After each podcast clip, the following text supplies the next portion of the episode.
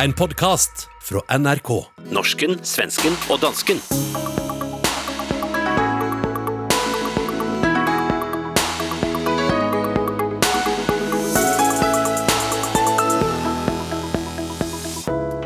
Mens eh, Trump poserer med Bibelen op ned og amerikanske byer brenner, går en svensk politikvinne ned på knæ og roer demonstrantene.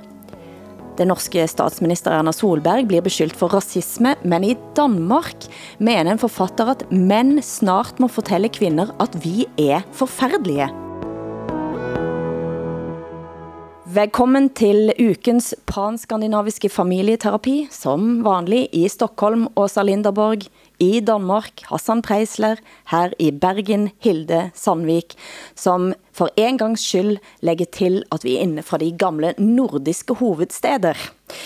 Men hvordan står det til i Stockholm nu også? Ja, i Stockholm eller Sverige så är vi väldigt upptagna av bilden av Sverige utomlands. Att den har helt krackelerat för vi är den stora stormakten alltid överlägsna alla andra moraliskt och nu är det kaos här. Livsfarliga experiment och det är ingen som styr och det är ingen ordning och alla skyller på alla och vad kommer det här att göra med oss? Så vi är jätteupptagna av det här, är vi. Her hører vi fra SVD's podcast Lederredaktion, der Tove Livendal har samtaler om netop at Sverigebilden krakelerer. Jeg snakker med de tidligere toppdiplomaterne Inga Britt Alenius og Olaf Ehrenkroner. Det här är väl så vitt jag förstår första gången vi inte har deltagit genom att skicka ens en våtservett till någon annan i ett katastrofområde. Eh, och det är klart att när Sverige samtidigt då eh, meddelar att alla andra har fel och vi presterar sämre än de flesta andra i den här aktuella pandemin då, då blir ju Sverigebilden väldigt knepig. Det är ju intressant att, att Sverige fortsätter med att ha en verkligt grandios självbild. Og hvad har eh, den svenske regeringen tänkt at gøre med dette bilde av Sverige? Ja, ja så vi har ju en regering som då tillkallar ambassadörer eh, och säger så här är det egentligen i Sverige. Ni ska inte lyssna på det här. Och vi, är så, vi är så himla bra på alla sätt och det är rätt pinsamt faktiskt. Hassan, eh, hvad er du optaget av? Og danskerne?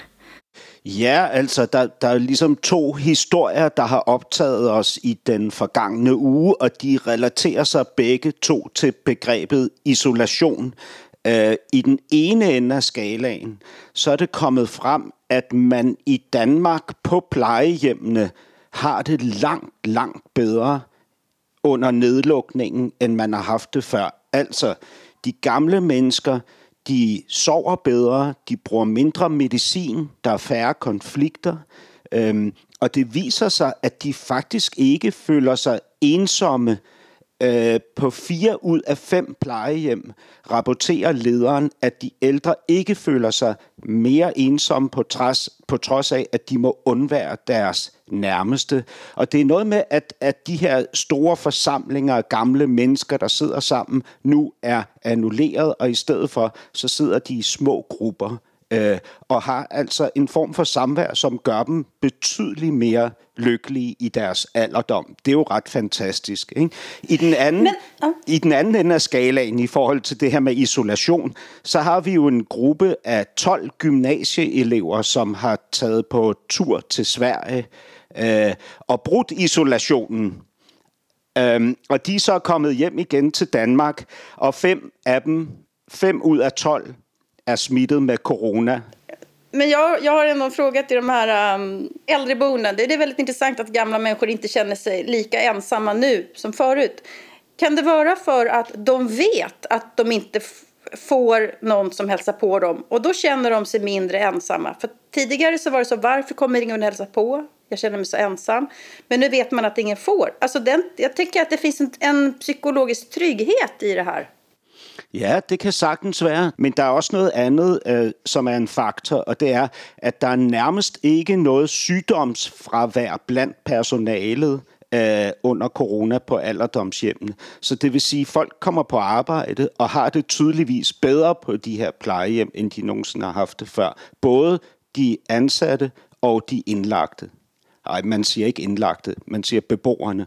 Vi skal jo passe på med, hvilke ord vi bruger. Det ved vi fra sidste uge. Ja. Men altså Hassan, dette, disse 12 eh, gymnasieeleverne, det er jo ikke akkurat med på at styrke eh, synet på Sverige og ditt syn på Sverige. Hvordan, eh, hvordan er det i færd med at ændre sig? Jamen, det er jo gået fra, at jeg i min barndom øh, tænkte, at, at Sverige var den kulturelle autoritet i Norden, i Skandinavien. Øh, I dag, der oplever jeg Sverige som et, et, øh, et meget, meget skrøbeligt land. Øh. Ja, men det är ju, Sverige är ju ett skröpligt land. Men framförallt, det jag tycker är intressant är att vi i Sverige har ju bilden av oss, dels att vi är bäst, men sen också att vi är landet lagom. Det är ett ord som ni inte ens har i Norge och Danmark. Men Sverige är ju egentligen ett extremt land. Alltså världens starkaste socialdemokrati, världens starkaste välfärdsstat, världens mest jämlika land. Eh, gick en egen väg under flyktingvågen 2015, gick en egen väg under metoo 2017 Corona, en helt egen väg. Det är också det landet i Europa som har privatiserat mest. Sverige är ett extremt land. Ett extremt land. Eh, nu ser vi konsekvenserna. Att, att det med, må, må jeg bare lige sige, fordi det var jo også det, jeg opfattede dengang øh, i min barndom og tidlig ungdom. Når, når jeg siger, at det var en kulturel autoritet, så var det jo også noget med den ro og stabilitet, og det meget moderate, jeg opfattede dengang, øh, som jeg i dag kan se måske bare har været en illusion, ikke? og som, som jeg øh, som kun var noget, jeg så, fordi jeg så den der kæmpe store socialdemokratiske dyne, som lå hen over Sverige. Og lige så snart man løfter dynen, så ser man jo lige præcis et land, der er mere, øh, mere ekstremt end det land, min far kommer fra, som er Pakistan. Ikke? Oh ja. Men, nej, men det är någonting som har hänt när den socialdemokratiska välfärdsstaten inte längre, när den har vittrat sönder, för det är vad den har gjort. Och då har ju Sverige blivit ett annat land, men det är bara det att vi svenskar har inte riktigt fattat det förrän nu. Du hører norsken, svensken og dansken i SR, DR og NRK.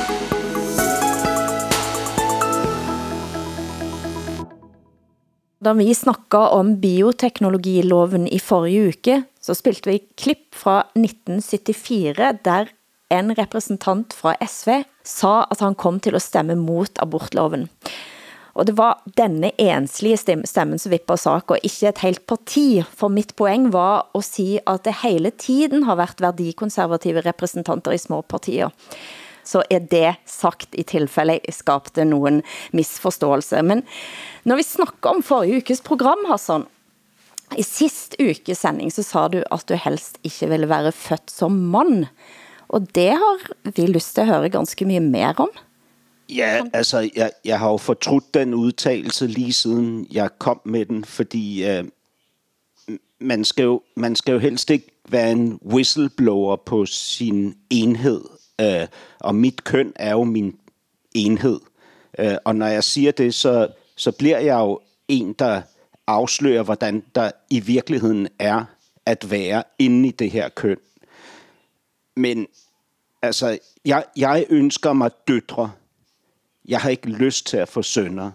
Øh, og det, det er der selvfølgelig en grund til. Og grunden er, at jeg mener, at man som dreng reducerer sig selv og reduceres til at være en funktion i sådan et konkurrenceapparat. Fra du bliver født og derudaf konkurrerer du med andre mænd hele tiden. Altså non-stop. Ikke? Og du skal gøre det uden at pive. Du skal ikke vise din svaghed. Du skal blive siddende op på hesten, iklædt din skinnende rustning med en rank lanse, og du må ikke falde fra den hest. Du må ikke tabe kampene om magten og positionen. Jeg fik en e-post efter forrige ukes sending, eh, der en kvindelig eh, svensk-norsk eh, lytter siger, at hun vil kende veldig mange kvinder, som overhovedet ikke ønsker sig denne ridder til hest. Uh, hun mener at eh, uh, nu, er, nu har vi kommet længere end det. Er du uenig i det? Jamen, jamen når, når, jeg, når jeg siger til min kæreste, uh, at, at hun skal ikke bekymre sig så meget om sin krop, Fordi vi mænd ønsker jo ikke den der perfekte krop, som er i kvindebladene. Så er det jo alligevel et pres, hun ikke kan sige sig fri af. Hun bliver jo ved med at have kropskomplekser, uanset hvad jeg og andre mænd siger til hende. På samme måde så har vi mænd jo øh, magtkomplekser, uanset hvad enkelte eller mange kvinder siger til os. Fordi vi befinder os jo ude i den her verden, hvor store biler er en faktor, og dyre uger er en faktor. Når jeg øh, læser øh, månedens eksemplar af Euroman, ikke, så står der jo ikke ret meget om øh, øh, positivt om nederlag, og der står ikke ret meget rosende om almindelighed. Altså det, der står noget om, det er, hvordan man overvinder en krise, rejser sig, bliver succesfuld igen. Der står noget om, hvilken bil man skal køre i, hvad for et jakkesæt man skal have på. Så, så det, det kan jo godt være, at den her lytter har et, øh, et sundere forhold til mænd, end jeg kan udtrykke for, men det annullerer jo ikke, at det her pres er et permanent og ekstremt stort pres. Ikke? Og, og så vil jeg gerne sige til kvinderne derude, ikke? at når I så kalder det der konkurrenceliv, vi lever i, for et privilegium, så er det, at vi mænd på den anden side står og river os i håret. Ikke? Når I siger, at det er det patriarkalske system, og det er et kæmpe privilegium, og vi kan arbejde, som vi vil, og sådan noget, ikke? så er vi jo ved at gå fuldstændig ned med flaget, fordi I ser ikke, hvad det i virkeligheden går ud på. Altså, det er en desperat konkurrence, som føles som en kamp for ens overlevelse i det her konkurrenceapparat. Øhm, alltså, kvinnor konkurrerar också. Eh, øh, kvinnor konkurrerar med varandra, kvinnor konkurrerar med män. Det är svårt att vara människa överhuvudtaget, skulle jag säga. Men jag, jag förstår att det är jobbigt att vara man. För man tycker att det är ett problem att män inte pratar känslor. Men när män pratar känslor så blir man rädd. Eh, hela Jordan B. Peterson har ju det projektet att män faktiskt ska prata om hur de mår. Hur mår du när du bara får höra att du är dum och dålig? Och då blir vi kvinnor jätterädda. Eh, det är, bara, det är bara kvinnor som får ligga i fosterställning och gråta. Män får inte göra det. Män får ju inte vara svaga. Vi vill inte ha män som är svaga. Vi vill inte ha män som ramlar ner från den hästen. Jag tror att den här kvinnan som skrev den här insändaren faktiskt har fel. Denne uken så har du, fik du støtte fra kanskje et lidt uventet hold, Hassan. Mm. Eh, den dansk-somaliske forfatteren Sofie Jama kom ut med sin bok Den nordiske mannens hævn, så blev hun intervjuet av DR og hører et lite klip her. Og jeg, og jeg tænker på den der titel, øh, Den nordiske mands hævn. Hvad ligger der i den? Jeg synes, den indfanger det, der er, for det hele det er også... En, et af emnene er så det der tabu, hvad hedder det, hævn. Mm. Øh, så det er noget, der er gennemgående hele vejen igennem for alle karaktererne. Mm.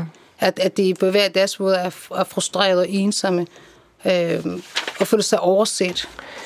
Den research, hvad, hvad har den givet dig af nye perspektiver i forhold til, til de her mænds univers?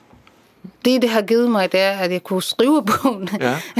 Men først og fremmest, at det er, det er faktisk nogle mennesker, vi, som er halvdelen af befolkningen, som vi, har, vi overser. Mm. At der, de føler ikke, at, deres, at det ikke... Mm, de føler ikke, det bliver lyttet til. Mm. Øh, og det tør ikke at sige noget i offentligheden. Det, det ytrer sig ikke på samme måde.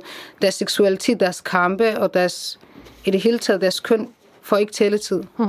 Her hørte jeg altså Sofie Jama snakke om sin nye bok Den nordiske mannens hævn. Eh, hun hævde her at eh, hun frygter reelt at det vil bli alvorlige konsekvenser hvis kvinder, og hun snakker med elitefeminister, blir ved ved at undertrykke og demonisere mænd og deres drifter.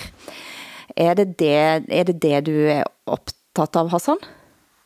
Ja, det er jeg også. Altså, jeg, jeg, jeg synes jo, det, det er vanvittigt interessant, at der kommer en kvinde og fortæller øh, fra, fra indersiden af kvindeland, ikke? Øh, altså, og hun, hun er jo blevet shamed massivt af det, hun kalder den feministiske elite i Danmark, som blandt andet sidder og anmelder hendes bog helt ned under gulvbrædderne, fordi de hader de her udtalelser. Ikke? Øh, det, det er jo interessant, altså det er jo vildt spændende, at hun kommer, øh, fordi jeg føler på en måde, at hun rækker sin hånd ud til mig øh, hen over en grøft eller en mur, som jeg ellers øh, sjældent har mulighed for at transcendere. Ikke? Og det, det kan jeg virkelig, virkelig godt lide. Jeg ved jo ikke, om hun har ret. Jeg har jo altid haft en fornemmelse af, at det var sådan her, det foregik. Ikke? Men så har jeg øh, reduceret det til mine til at være mine egne personlige oplevelser med en, en, et besværligt forhold til en mor og, og en masse besværlige forhold til kvinder og sådan noget. Jeg har jo lært, at man skal ikke gøre sin personlige smerte til et samfundsanlæggende. Det gør ju kvinnor hela tiden. Det må man sige i den grad. Det får inte män, det får inte män göra, nej. Si, si lidt mer om det også. Hvad mener du?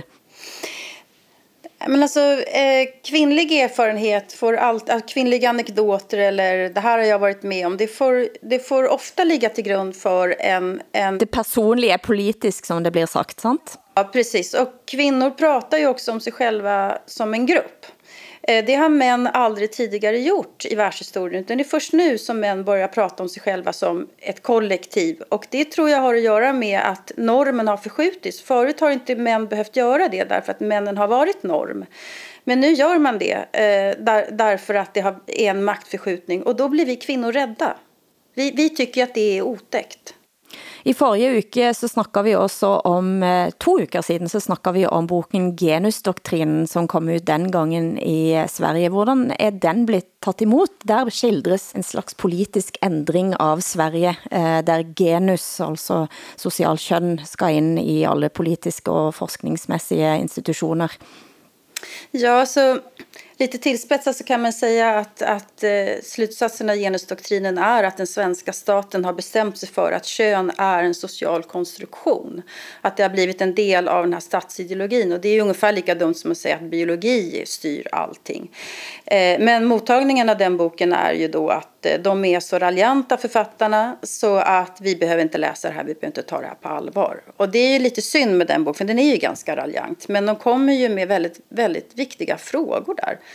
Eh, så att jag tror att den, den boken kommer man väl tiga ihjäl eller eh, bara avfärda. Er det den måten Sofie Jama blir mødt på, Hassan?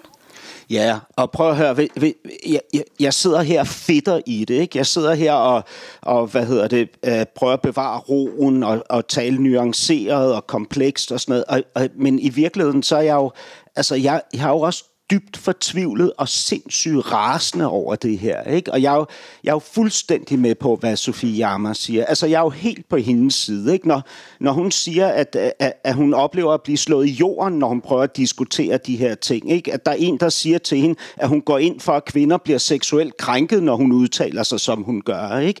Hun siger, at alt bliver reduceret til sort og hvidt. Der findes en meget aggressiv interesse i ikke at tage en nuanceret diskussion om de her problemer problemer. Og så siger hun, men vi kvinder bliver også nødt til at være åbne omkring vores hyggeleri og vores bedrag og vores psykopatiske sider. Ikke? Og det er jeg jo fuldstændig enig om. Hvordan, hvordan fuck skal vi nogensinde opnå en forbindelse mellem os mennesker, hvis vi ikke er ærlige om den totale kompleksitet, vi indeholder? Ikke? Og hvis vi har fået skabt den her forbandede konstruktion, ikke? hvor manden per definition på grund af sit køn er ond, ikke? og kvinden øh, øh, per definition er et offer. Ikke? Hvordan skal vi nogensinde opnå nogen som helst forbindelse? Altså, prøv at høre.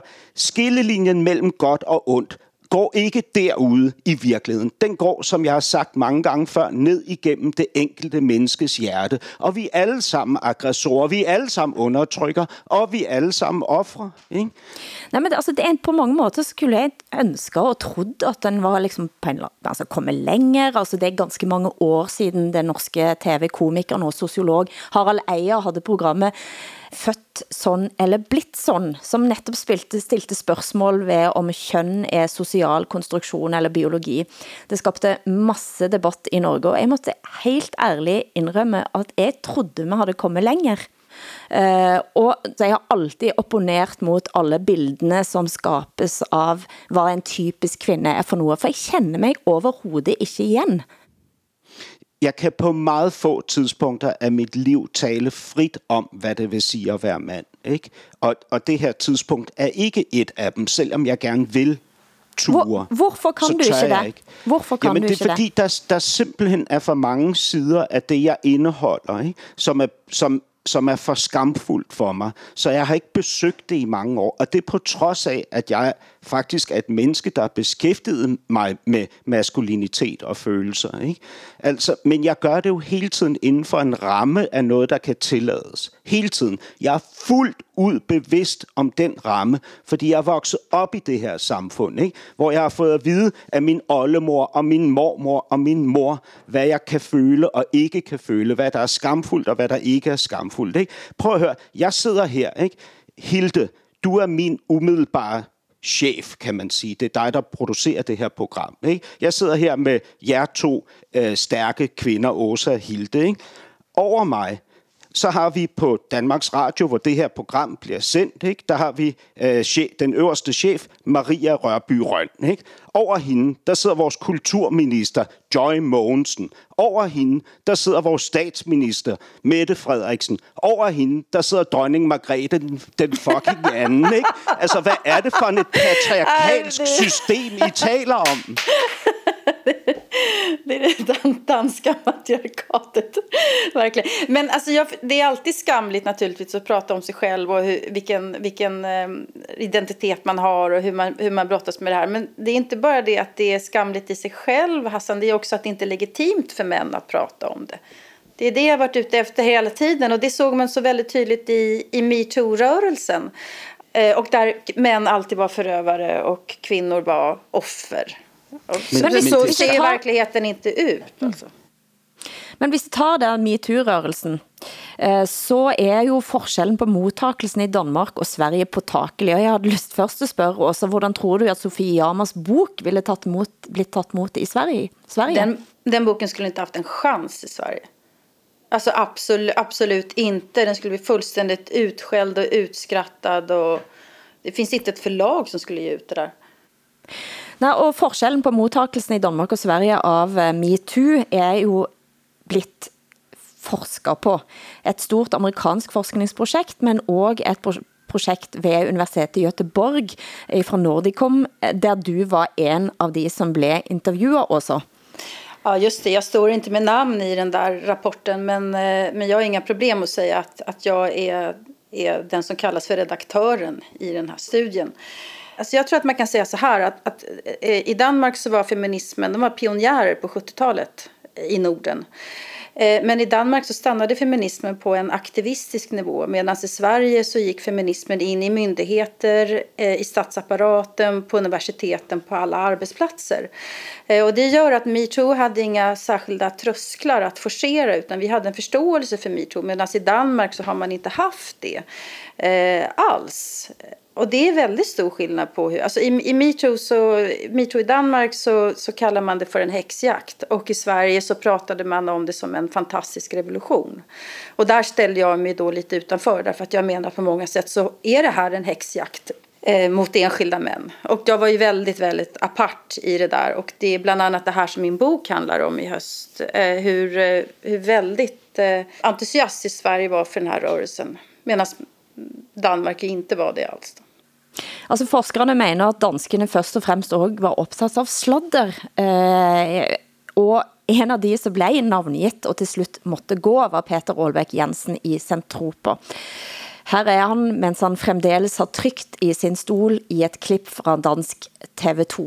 Det lyder som om, du føler dig fuldstændig hævet over gældende lovgivning her i landet. Jamen, jeg tror ikke, der er nogen lovgivning, der forhindrer mig i at, at foreslå et menneske at vælge mellem tre klask i røven, eller at må ud med et hønshus, hvis de selv vælger de tre klask i røven. Det er ulovligt, når du slår dine medarbejdere.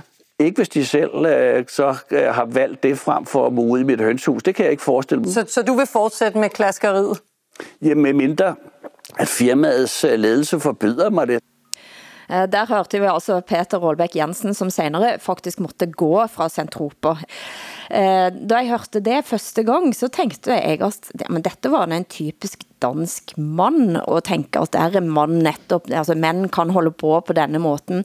Men i dag er jeg blevet lidt i tvil, Hassan, når jeg hører på dig. Er han typisk dansk mand? Nej, det er han ikke. Altså, men, men jeg må også sige, altså se, selvom vi jo, hvad hedder det, især i de sådan mere finkulturelle og elitære intellektuelle miljøer og sådan noget, så vil vi jo altid grine lidt af Peter Olbæk, så er jeg fuldstændig overbevist om, at vi alle sammen inde i os selv har en lille øh, beundring øh, i forhold til ham og hans mod til at kåle noget bullshit. Ikke? Altså, at, at den tanke eksisterer i os alle sammen. Ikke? Og, og hvad hedder det, når, når, altså, når du siger, at det i Danmark blev søgt på som et sensationsfænomen, MeToo. Ikke? Men det var jo også noget, folk søgte på, ifølge undersøgelsen, for at kommentere negativt på det, altså kritisk i forhold til hele projektet. Ikke? Og det er jo, når man er vokset op som mand, der har været dreng engang i det her system, altså så, så føles det jo primært det føles primært som et redskab til udskamning. Ikke? Og jeg er jo godt klar over, og jeg gider næsten ikke at sige det, men det, bliver, det er jeg tvunget til. Ikke? Jeg er jo godt klar over, at der finder krænkelser sted, og krænkelser er forkert. Ikke? Selvfølgelig er jeg det. Men det har bare ikke noget med mig at gøre, og det har ikke noget med mit fucking køn at gøre. Og det er det, der er at, at, at problemet i den, den her sammenhæng. Ikke? Det er, at jeg skal forholde mig til, noget, som nogle enkelte psykopater gør derude i, i nogle situationer, som ikke har en skid med mig at gøre. Og så vil jeg bare lige sige, i forhold til Harvey Weinstein, som hvad, får sin dom i de her dage, jeg kan ikke huske det, men der sker et eller andet, ikke? Året før han blev fældet, der stod Meryl Streep til prisuddelingen og kaldte ham Gud. Meryl Streep kaldte Harvey Weinstein for Gud. Ikke? Altså verdens bedste filmproducer. Året efter, der vendte hun ham ryggen. Og så sig, er hun blevet spurgt, hvorfor, hvorfor gjorde du ikke noget, noget før? Der var jo alle de her rygter om ham og sådan noget. Så siger hun, jamen jeg gjorde ikke noget, fordi jeg ville beskytte de kvinder, der var involveret i rygterne mod at blive afsløret.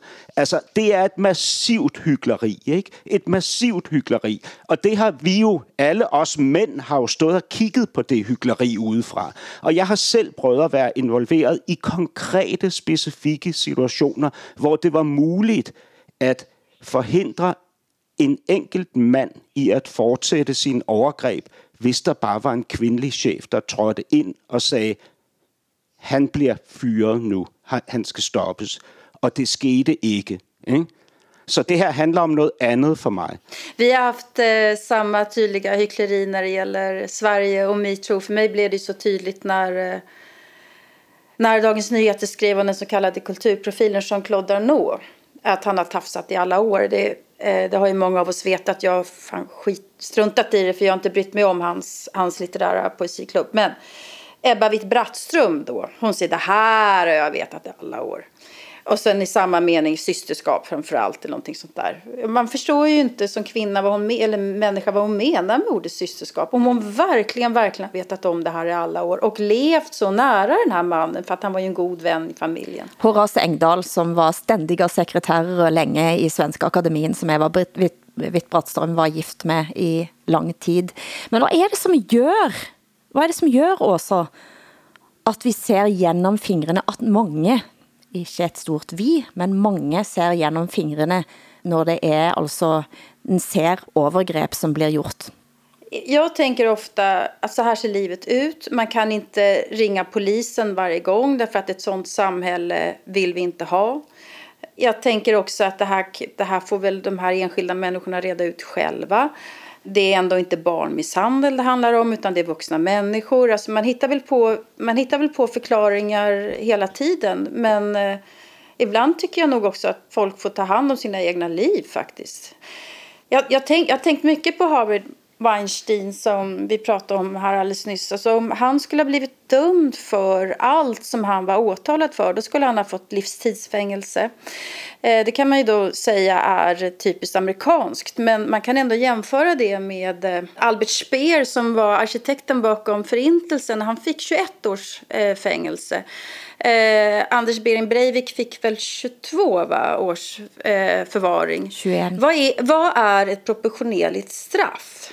Eh, det behöver man inte bo i USA eller Europa för att fundera över. Det kan man fundera över. Här finns en kvinnlig aggressivitet som är jävligt våld, den är våldsam faktiskt.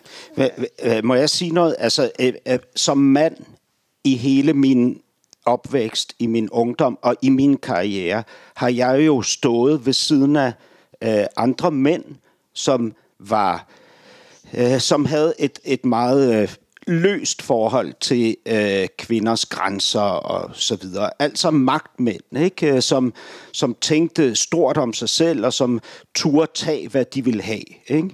Dem har jeg stået og kigget på, fra jeg var helt ung. Og det jeg har set, det var, at kvinderne elskede ham. De elskede ham. Det här kan vi inte sända i Sverige. Alltså, det här kommer ju att censureras direkt. jag har sagt grejer som jag kommer få springa gatlopp för. Men fortsätt nu Hassan, undskyld. Jeg vil høre mere. og det, det er jo derfor, jeg, at jeg begynder at, at udvikle en konspirationsteori i forhold til hele den her øh, MeToo-bevægelse. Ikke? Øh, men altså, selv de paranoide kan være forfulgt, og derfor tillader jeg mig nu at dele den her konspirationsteori med jer. Jeg tror ofte ikke, at man er interesseret i de reelle afsløringer, fordi når det bliver reelt, når der sker en afsløring, og når der så efterfølgende er en konsekvens af den afsløring, så er der ikke længere et redskab til kønskamp. Ikke? Og jeg har en forestilling om, at det ofte handler om en magtkamp mellem kønnene, mere end om at komme en uretfærdighed til livs. Fordi hvis det var hvis det kun var det at komme en uretfærdighed til livs, så er vi alle sammen på samme side. Hvordan kommer seksualiteten ind i dette? Sofie Jammer snakker her om eh, en undertrykt mandlig seksualitet. Kan du forklare mig, hvad en mandlig seksualitet er for noget? Jeg kan forklare dig, hvad min seksualitet er. Jeg har to, jeg har to, jeg har to seksualiteter. Jeg har den, jeg... Vi sender i två timmar her nu, hoppas jeg. jeg, jeg, har, jeg har den, jeg deler med offentligheden. Det er en seksualitet, som er blid og blød og tålmodig og forstående og aldrig kunne finde på at nærme sig noget, som vil ligne dominans. Ikke? Og så har jeg en hemmelig seksualitet, som jeg udøver herhjemme i mit hjem. Ikke? Den er stærkt dominerende den er ikke specielt øh, sådan sensitiv. Den øh, tager ikke hensyn til øh, alle mulige nuancer i, de, i, i følelserne i forhold til min partner. Øh, den er krævende. Øh, den er... Øh, og det er underbart, Hassan. Det er helt underbart. jeg sidder og styrtsveder nu. Min pande er drivvåd af sved. Ej, jeg elsker det her. Men då kan du, vad, vad, vad är den kvinnliga idag också? Jag kan faktiskt inte svara på det, för jag känner bara mig själv. Jag vet inte vad kvinnlig eh, sexualitet är. Men jag läste en, en avhandling alldeles nyss i genusvetenskap. Den var ganska bra. Den handlar om de här gråzonerna.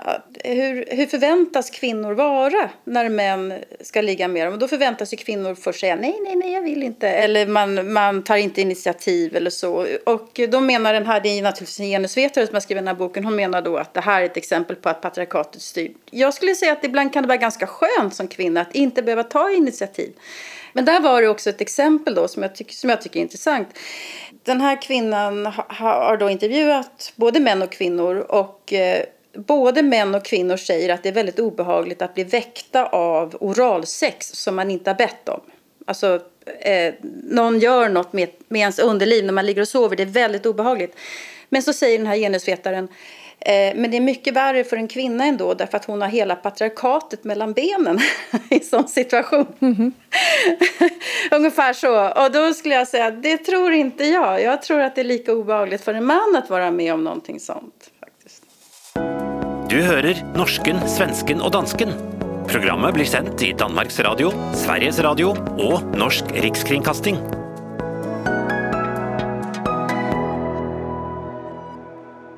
Sofie Jama er også optaget av, at du har undersøgt nogle visse særlige grupper mænd, og denne titlen på romanen er Den nordiske mands hævn. Hævn kommer da fra mænd, som blir for undertrykt af sin seksualitet. Det får mig selvfølgelig let til at tænke på den nye mannebevægelsen av såkaldte incels, altså brugt om av og mænd, som då ikke får sex og er svært frustreret over situationen. Det norske programmet Trygdekontoret intervjuer her en incel. Mange incels ser på sig selv som genetisk underlegne. De mener at dersom kvinder får vælge frit, vil de utelukkende vælge alfahanner. It all comes down to genetics. If you're genetically superior, women sense it. And bone development, height, Why do women hate short men? Because they're they have inferior bone development. De sier at de vil ha en uh, snill gutt med en fin personlighet uh, og god humor, men så velger de uh, en som er litt sånn drittsekk, da. Det er veldig mye, det er veldig mye selvforakt i dette her. Ja, det er jo det i incel-kulturen. hva, hva kommer det av? Nei, det er vel Man føler at man ikke strekker til, og så går det en sånn eh, rundgang når man liksom blir eh, mykt avvist gang på gang, mm. tenker jeg. Du får bekrefta hele tida at du er en loser? Ja. Mm.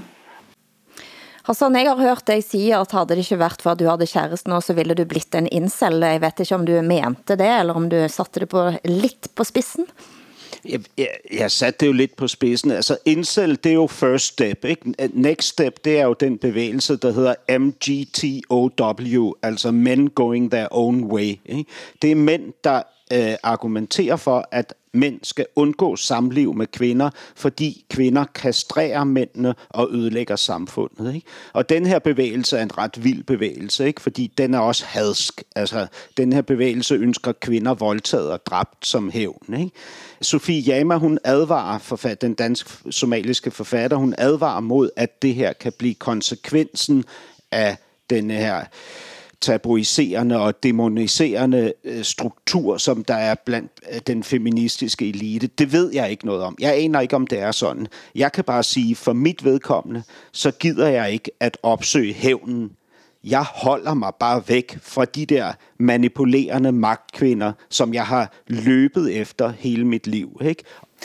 Jag tror på svenska så måste vi nog förklara för svenska lyssnare att, he, vad säger ni, hävn? Det betyder hämnd. Hämnd. Mm. Hämnd för svenska lyssnare så att man hänger med här.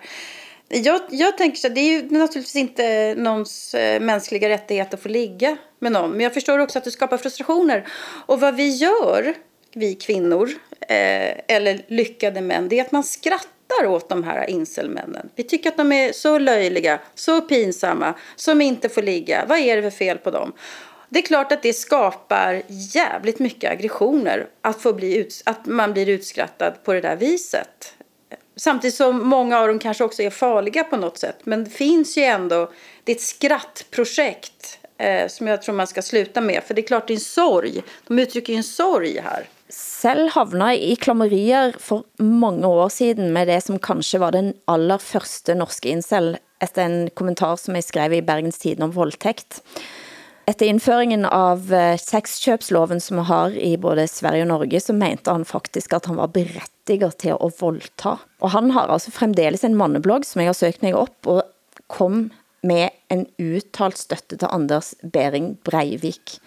Det er kanskje disse aggressive mænd, som jeg oplever at Trump appellerer særligt til, når han står med bistert udtryk og poserer med Bibelen op ned og twittrer om losers.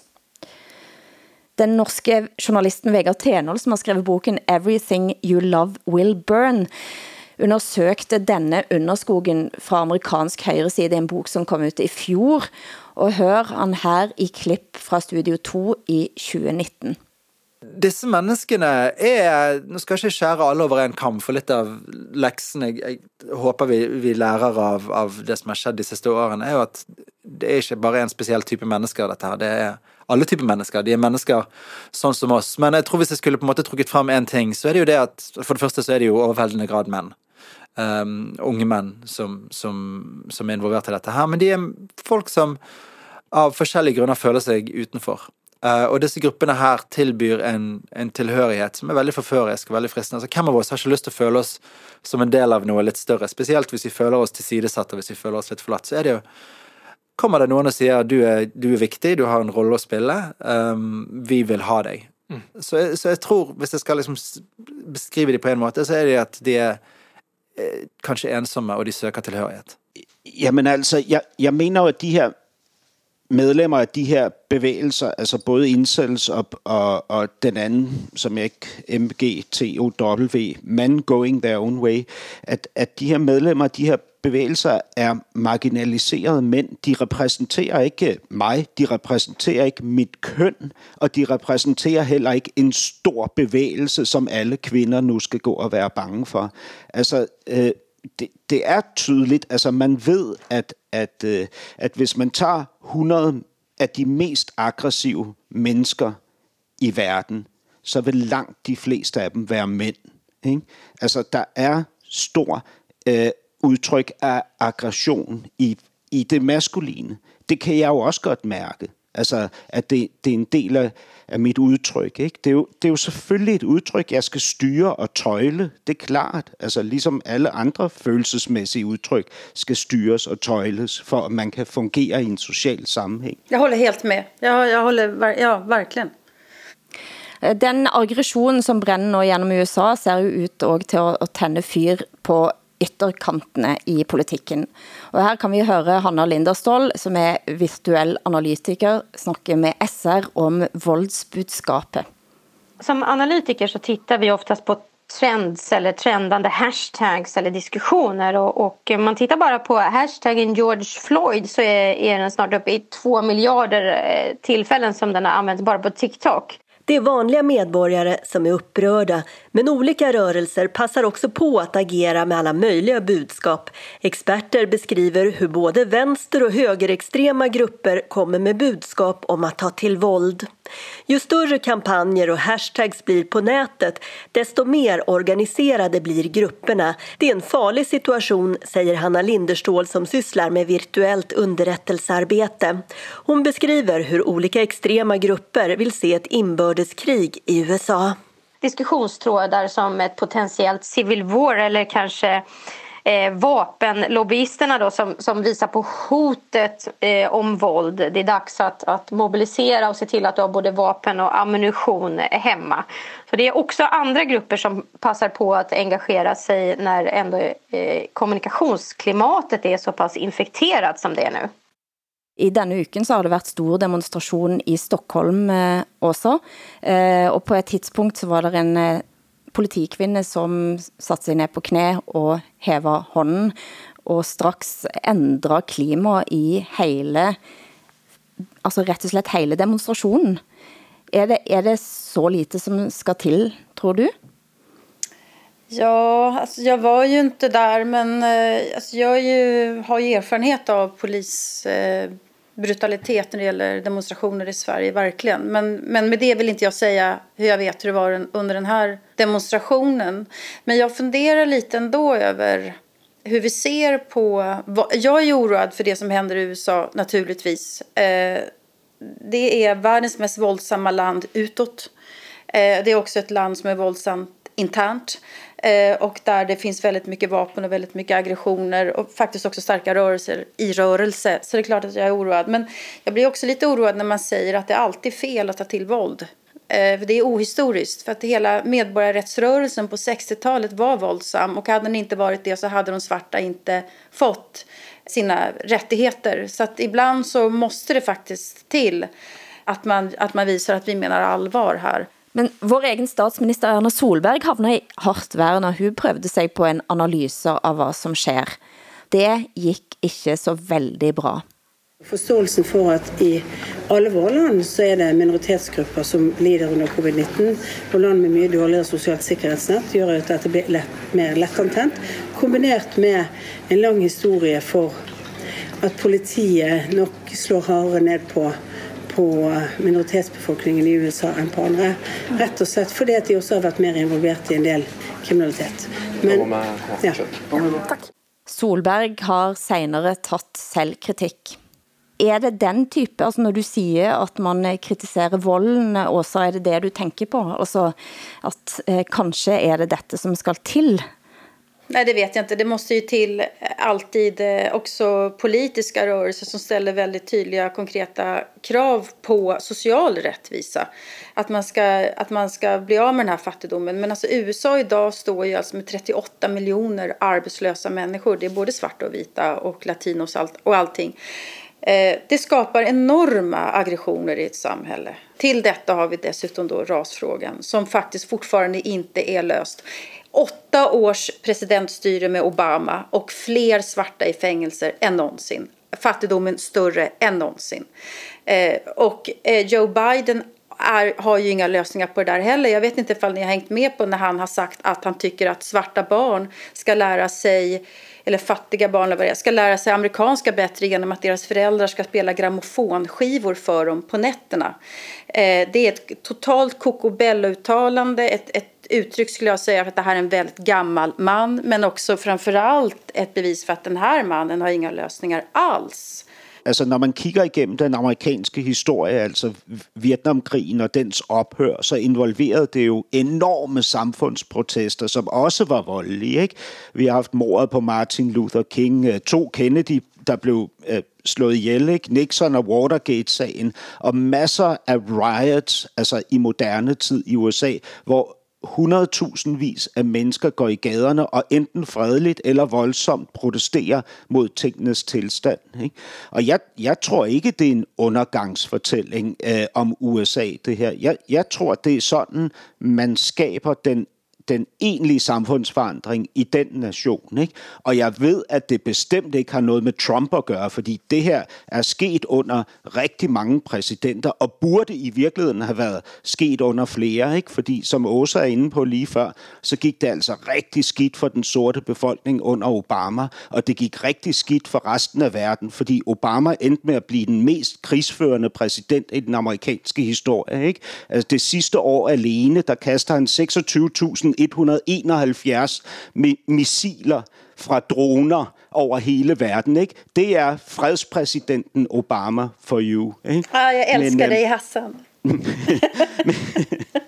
jeg elsker også dig, Åsa. det er så smart, tycker jeg. Det sætter gang i alle mine endorfiner, når du siger sådan. jeg vet, jeg er bare jeg er så glad, vi gør dette virtuelt.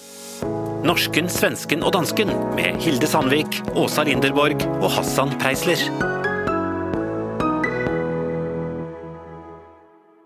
En gang var den nordiske mand og kvinde viking. Og denne uken så kom altså en verdenssensation. Hør her. Altså det der med, at øh, Danmarks historien skal skrives om, er efterhånden blevet sådan lidt af en, øh, en vidighed her ja. på vores redaktion, fordi det sker jo altså med jævne mellemrum, at det er en overskrift. Men øh, jeg tror godt, vi i dag øh, kan sige det, kan vi det? uden at er vi sikre det, på det? Nu ser det faktisk ud til at være sandt, fordi i dag har arkeologer sat øh, graveredskaberne i jorden i et område nær den lille by Virket på Falster. Og det, de graver i, er for måske øh, Danmarks største vikingeborg.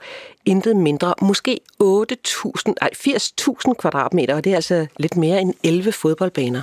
Hvordan er denne nyheden taget imod, Hassan?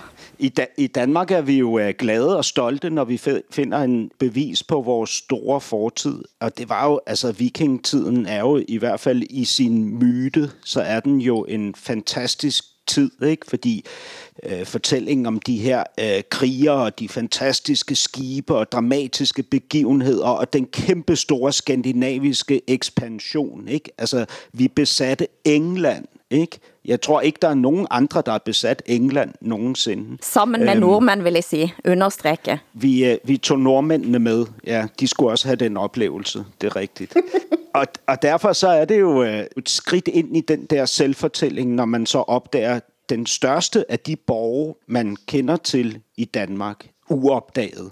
Til trods for at nordmænd tænker, at vi, det er vi, som er vikinger, så er det jo ingen, som er så optaget av vikingtid som Danmark. Hvorfor er det sådan? Jamen, altså...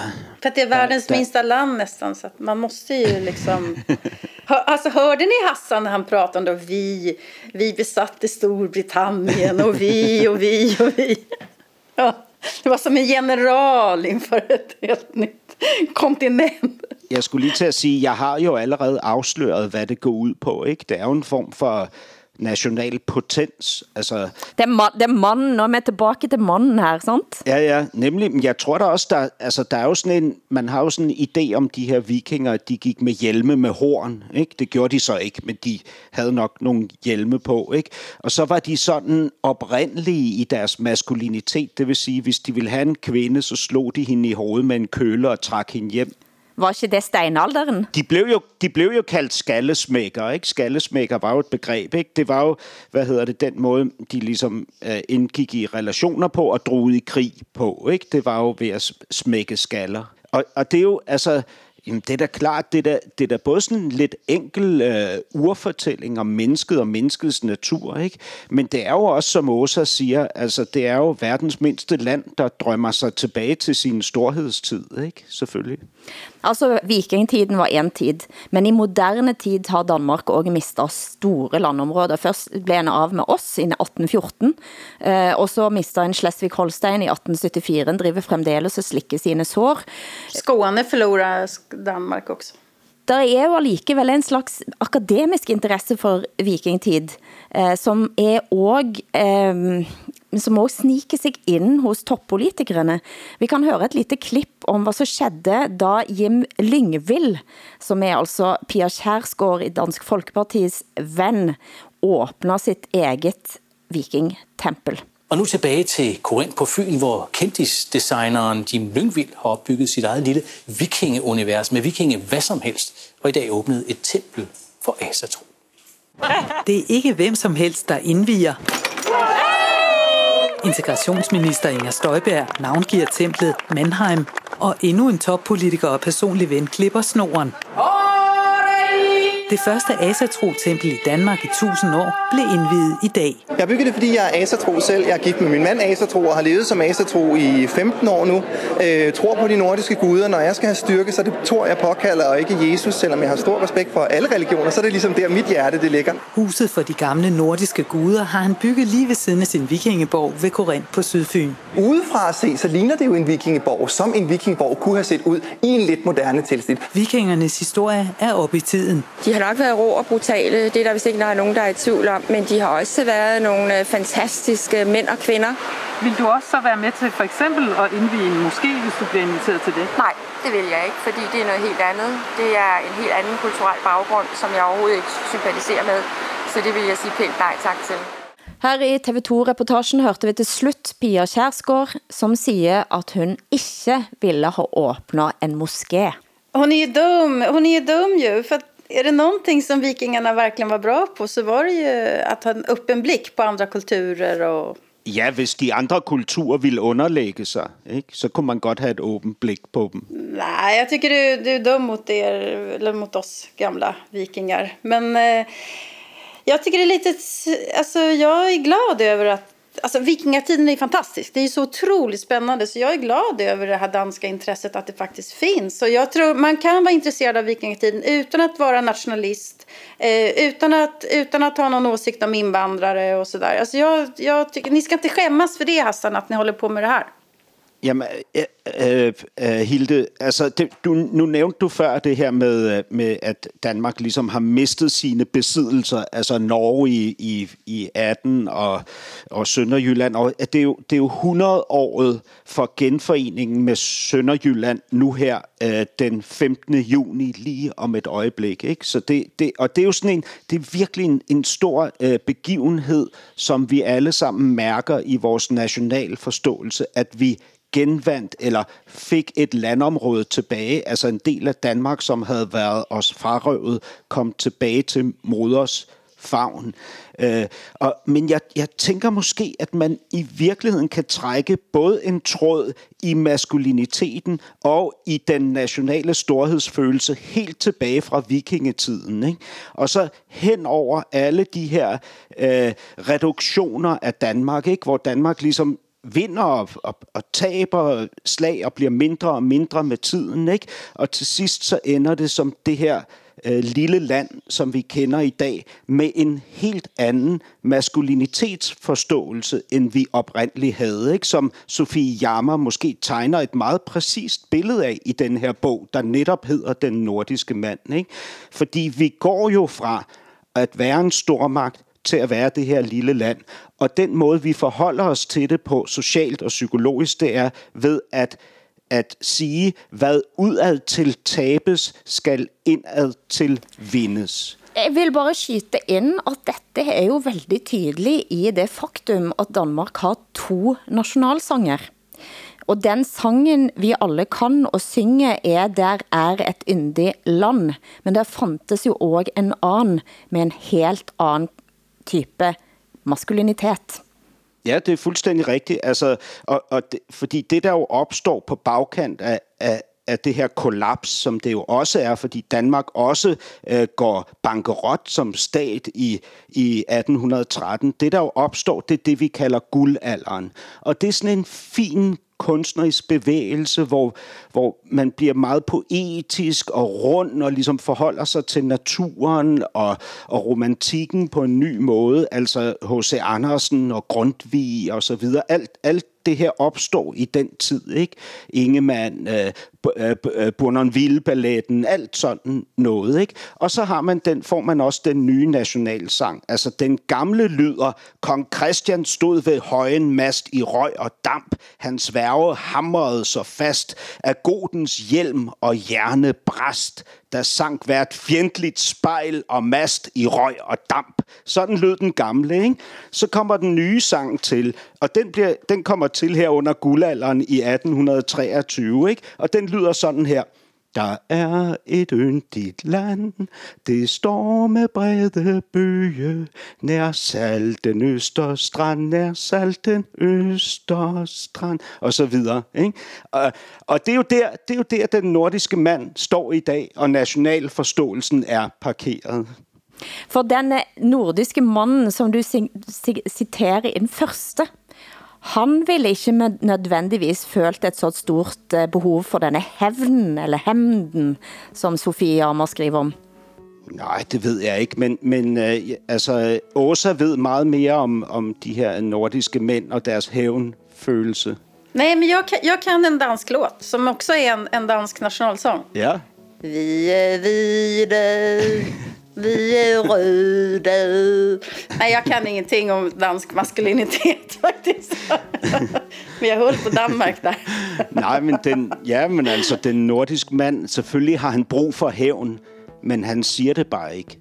Tusen tak til den syngende i dag, Hassan Preisler, den syngende Åsa Linderborg. Mitt navn er Hilde Sandvik fra det gamle Vikingkongsætet i Bergen.